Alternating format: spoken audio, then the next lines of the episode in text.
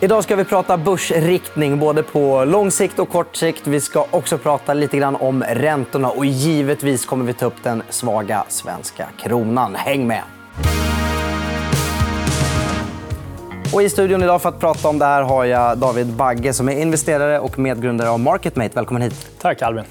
Du, eh, man brukar prata om oktober som en skräckmånad för börsen. och eh, Det har det ju varit. Mm. Eh, från mitten till slutet av månaden föll OMX30 över 8 Småbolagsindex First North ner över 20% under den perioden. Ja. Vad tänker du om svagheten vi har sett i höst? Och det är dessutom så att det var inte bara oktober som var svagt. Jag menar, USA hade ju svagt augusti, september och oktober. Det är en lång tid, tre månader. Det är ju, Covid-kraschen var ju över på sex veckor exempelvis. Och det var 12 veckor mer eller mindre. Och Sverige toppade då vid, vid eh, midsommar. Eh, så att eh, det har varit en riktigt trista månader generellt, som, kanske primärt som svensk investerare. Eftersom det har varit så, vi inte har de här techbolagen som USA har. Mm. Men sen blev folk i vanlig ordning lite väl liksom, negativa.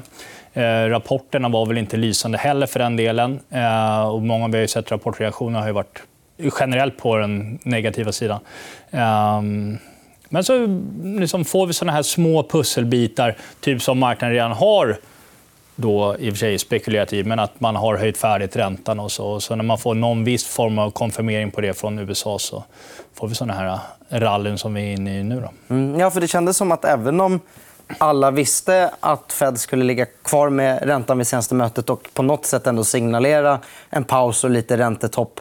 Så, så trots att alla visste det så blev det ändå någon slags relief på det, eller någon lättnad. Ja, helt klart. Och, eh, överallt egentligen, även i liksom, obligationsmarknaden eller långräntan då, så följer också kraftigt. Och vi har haft dollarn som har svagat till sig lite grann här senaste veckan också. Så vi har haft en ganska liksom, bred liksom, liksom, det är inte bara liksom, sju techbolag som har dragit utan det är ett ganska bra tryck genom hela, hela sektorn. Mm.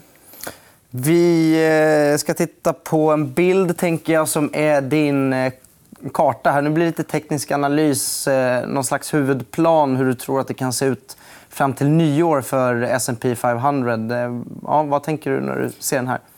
Ja, nej, men nu har vi haft ett bra tryck upp då på 7% på ja, säg sju börsdagar. Eh, vi har, det var ett väldigt short covering rally. Eh, aktörer var väldigt negativa och i många fall fortfarande är väldigt negativa. Då. Eh, men det mest troliga nu är ju liksom att vi någonstans börjar plana ut kring de här nivåerna. Man brukar ju prata om att börsen är liksom överköpt eller översåld. Nu är vi extremt överköpta.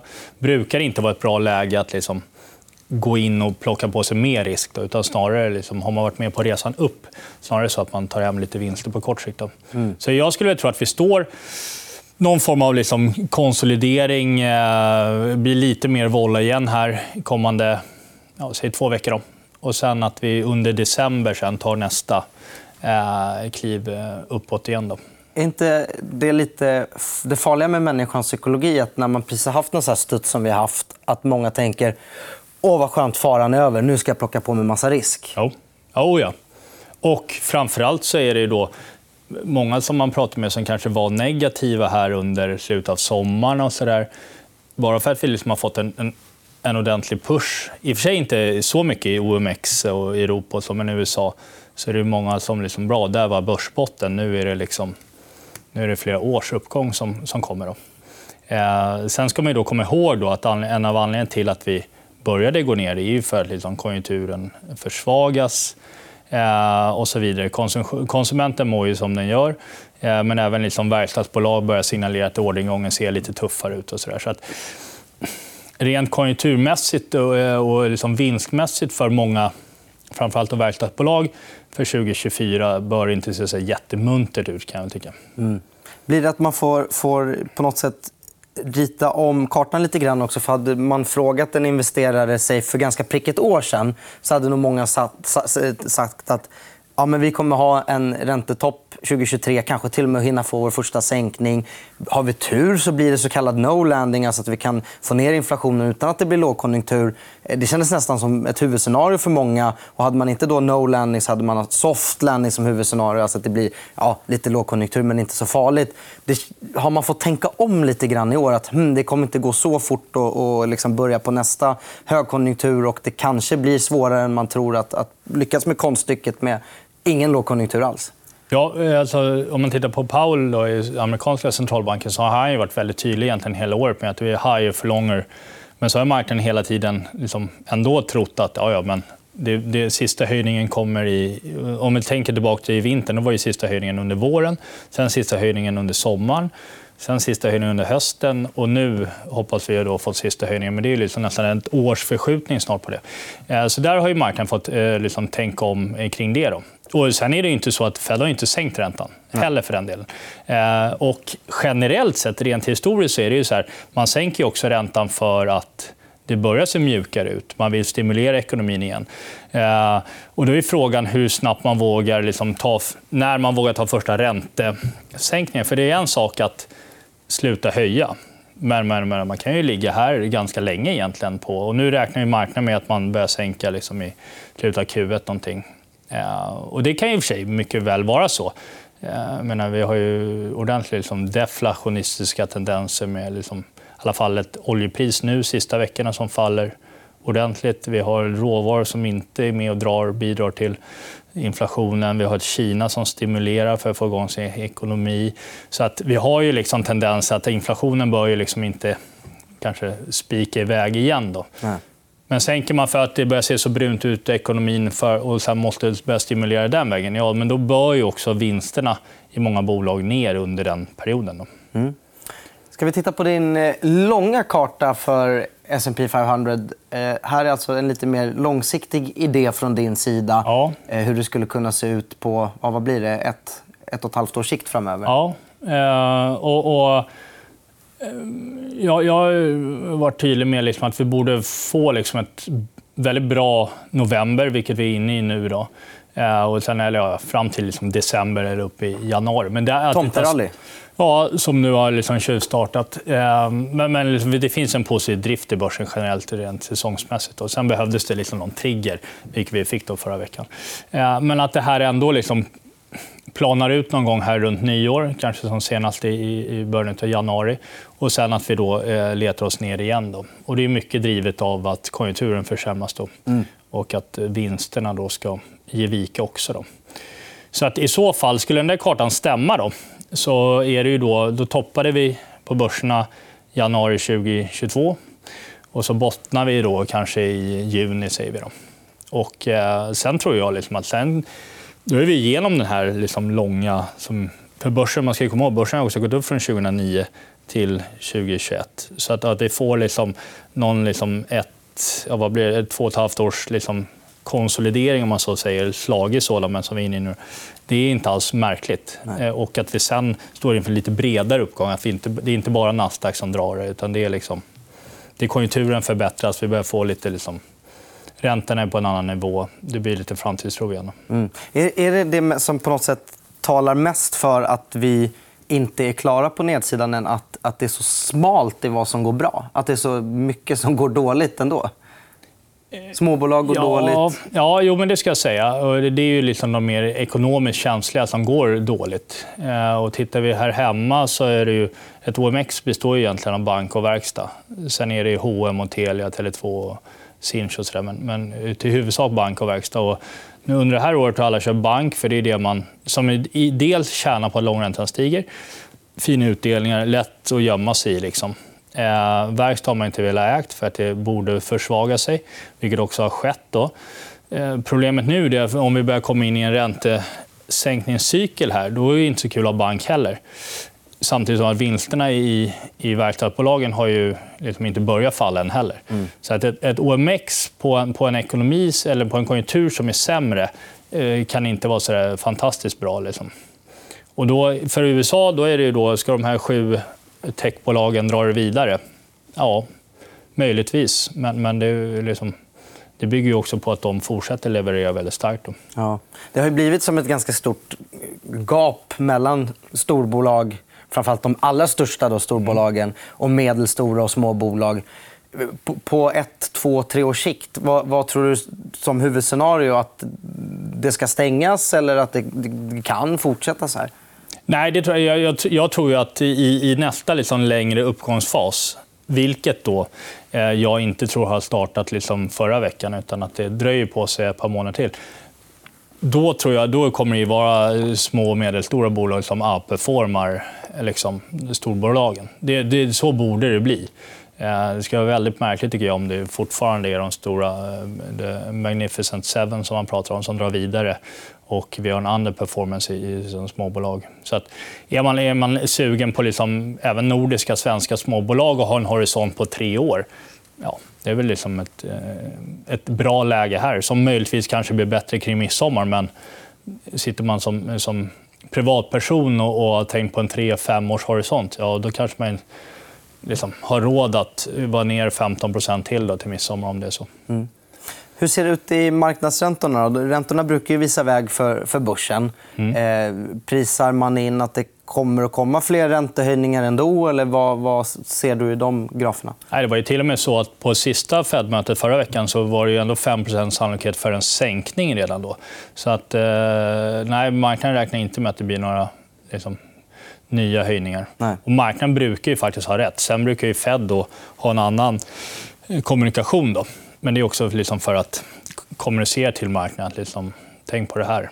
De brukar vara ganska bra på att styra marknaden ja, oh ja. åt rätt håll. Ja, de har blivit bättre. Ja. Alltså, de, de, har ju lärt sig också, framförallt kanske den amerikanska centralbanken, att det är en, hela börsen och risksentimentet är ju väldigt centralbankstyrt då, när man har pumpat in alla de här stimulanserna. Så att, eh, de har ju lärt sig liksom att liksom väga varje ord verkligen, så att det inte misstolkas. Eh, för det kan få liksom väldigt stora effekter. Då. Mm. Sen ska vi inte glömma bort då, i och för sig också då, att räntan är en sak, men den här äh, stora balansövningsexperimentet som man har gjort då sen 2009 och framförallt då kanske sen covid, där man pumpar in ännu mer, både vad gäller USA, Europa och Japan. Eh, och Kina för den delen. Eh, där, jag menar, USA och, eh, och Europa bantar sina balansräkningar ganska ordentligt nu.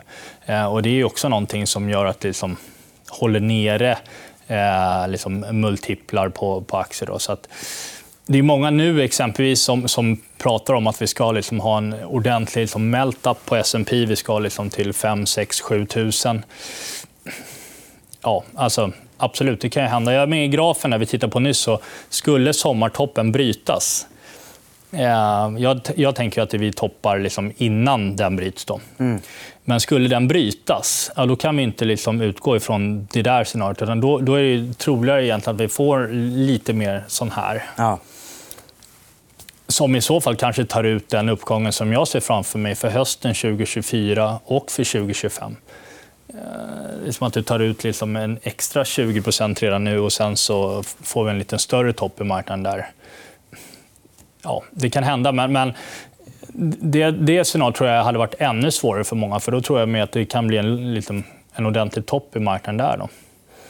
Så att, nej, jag tror att originalscenariot tror jag är, är, känns rimligare. Mm. Eh, ett annat ämne som engagerar de flesta det är kronan. som... Eh, ja, bilder här vi kan titta på. Mm. Om, man, om man tittar långsiktigt så har det gått katastrof. Mm. Eh, vad Finns det någon chans för kronan, tror du? Ja, den där är ju inte pigga. Alltså. Jag skulle ha med schweizerfrancen också från 70-talet när den var ett mot ett mot ja, det, eh, svenska kronan. Det vågade jag inte, för då hade nog folk stängt av. Ja. Nej, men det, det, är ju läge att flytta hem från Schweiz som man flyttade ut på 70-talet. Det är rätt billigt i Sverige. Eh, nej, men egentligen, man, man, man, kan säga så att allting går i cykler. Sen är just relationen eh, eh euro-kronan är ju mer en, en residual av kanske liksom eurodollarn och, dollars, och dollarseken. Än vad liksom. Så den tycker jag är lite svårare att ha en uppfattning om. Eh, jag tycker det är lättare att ha en uppfattning om liksom, eh, kronan mot, mot dollarn. Ehm, och allting går i cykler, generellt. Eh, nu har vi haft liksom en, eh, snart har vi haft fyra år sedan vi toppade i kronan senast. Det var 2020. Sen hade vi under 2021 och så vidare en, en, en förstärkt krona. Ja, och jag tror att vi är inne liksom i slutfasen av en, av en kronförsvagning nu. Då. Ja, och det är inte så att jag tror att det kommer gå fantastiskt för Sverige så att alla ska in och köpa kronor. Utan det är snarare så att jag eh, tänker mig att dollarn är inne för en långsiktig topp. Vilket kommer göra då att även liksom euron stärks mot dollarn, kronan stärks mot, mot dollarn och så vidare. Vilket också skulle boja för en bra börs. Då. Framförallt andra halvan 24, 2025, möjligtvis in i 2026. Då, att vi får en ganska bra liksom, uppåtgående trend. Då. Eh, och inte så choppy som vi har haft nu. Då. Mm.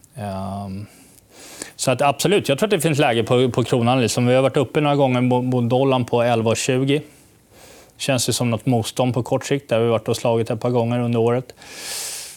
Ska vi upp en vända till här om det blir lite stök i Q1? Ja, det, är liksom absolut, det kan absolut hända. Men, men det tror jag liksom är, det är sista, sista liksom resan på, på den. Då. Ja. Så att, eh... Om man pratar med utländska investerare så är de nästan överdrivet fixerade vid vår, vår fastighetsmarknad. Mm. Eh, när man, just när man vill prata om så här, men varför tror du vår, vår krona går så dåligt. Ja. Då ändå vill prata om fastighetsmarknaden. Om vi skulle kunna ta oss in i nästa räntesänkningscykel utan att den på något sätt bryter ihop. Skulle det också kunna få utländska investerare att tänka om kring kronan? Ja, ja men det skulle jag tro. Ja. Ja, för nu är nog många rädda att vi står inför något, liksom, eller har stått och står inför något 91-scenario igen. Då. Uh, nu är inte bankerna lika exponerade då mot fastigheter som det var på 90-talet. Uh, men, men det finns ju helt klart en oro från utlandet hur det går med svenska fastigheter. Så att det är klart, kommer, kommer det börja andas lite morgonluft i fastighet att liksom, nu har vi sett liksom, ja, räntetoppen så borde vi kunna få en starkare liksom, krona av det. Mm. Uh, sen tror jag Riksbanken kanske höjer en vända till. Det är väl inte helt omöjligt, för de är också fixerade vid kronan. Eh, och gärna vill, vill liksom stärka den. Eh, man gjorde något försök här, här månaden när man stödköpte mycket kronor. Så fort man var klar med det så liksom var vi tillbaka på 11,20. Eh, så att, sen det här med att höja räntan för att stärka kronan. Jag menar, utlänningarnas syn på svenska fastigheter och svenska konsumenter kommer inte bli bättre för att man höjer 25 punkter till. Nej. Så det tror, jag, det tror jag är fel väg. Jag tror man liksom, eh, det här kommer liksom det här kommer lösa sig av sig själv. Kronan kommer bli starkare. Mm. Ja, då hoppas vi att de inte gör en eh, extra 25 då, bara för att. Mm. Mm, exakt. Tack så hjärtligt för att du kom hit, David Bagge. Tack. Och det var allt vi hade att bjuda på i det här avsnittet. Men vi är tillbaka nästa vecka igen. Ta hand om er. Hej då! Du har lyssnat på EFN Marknad, en podd som produceras av EFN Ekonomikanalen. Du hittar programmet även i videoformat på Youtube och på efn.se. Kom ihåg att prenumerera på podden och följ oss gärna på Instagram för fler aktietips. Där heter vi EFN Aktiekoll. Ansvarig utgivare är Anna Fagerström.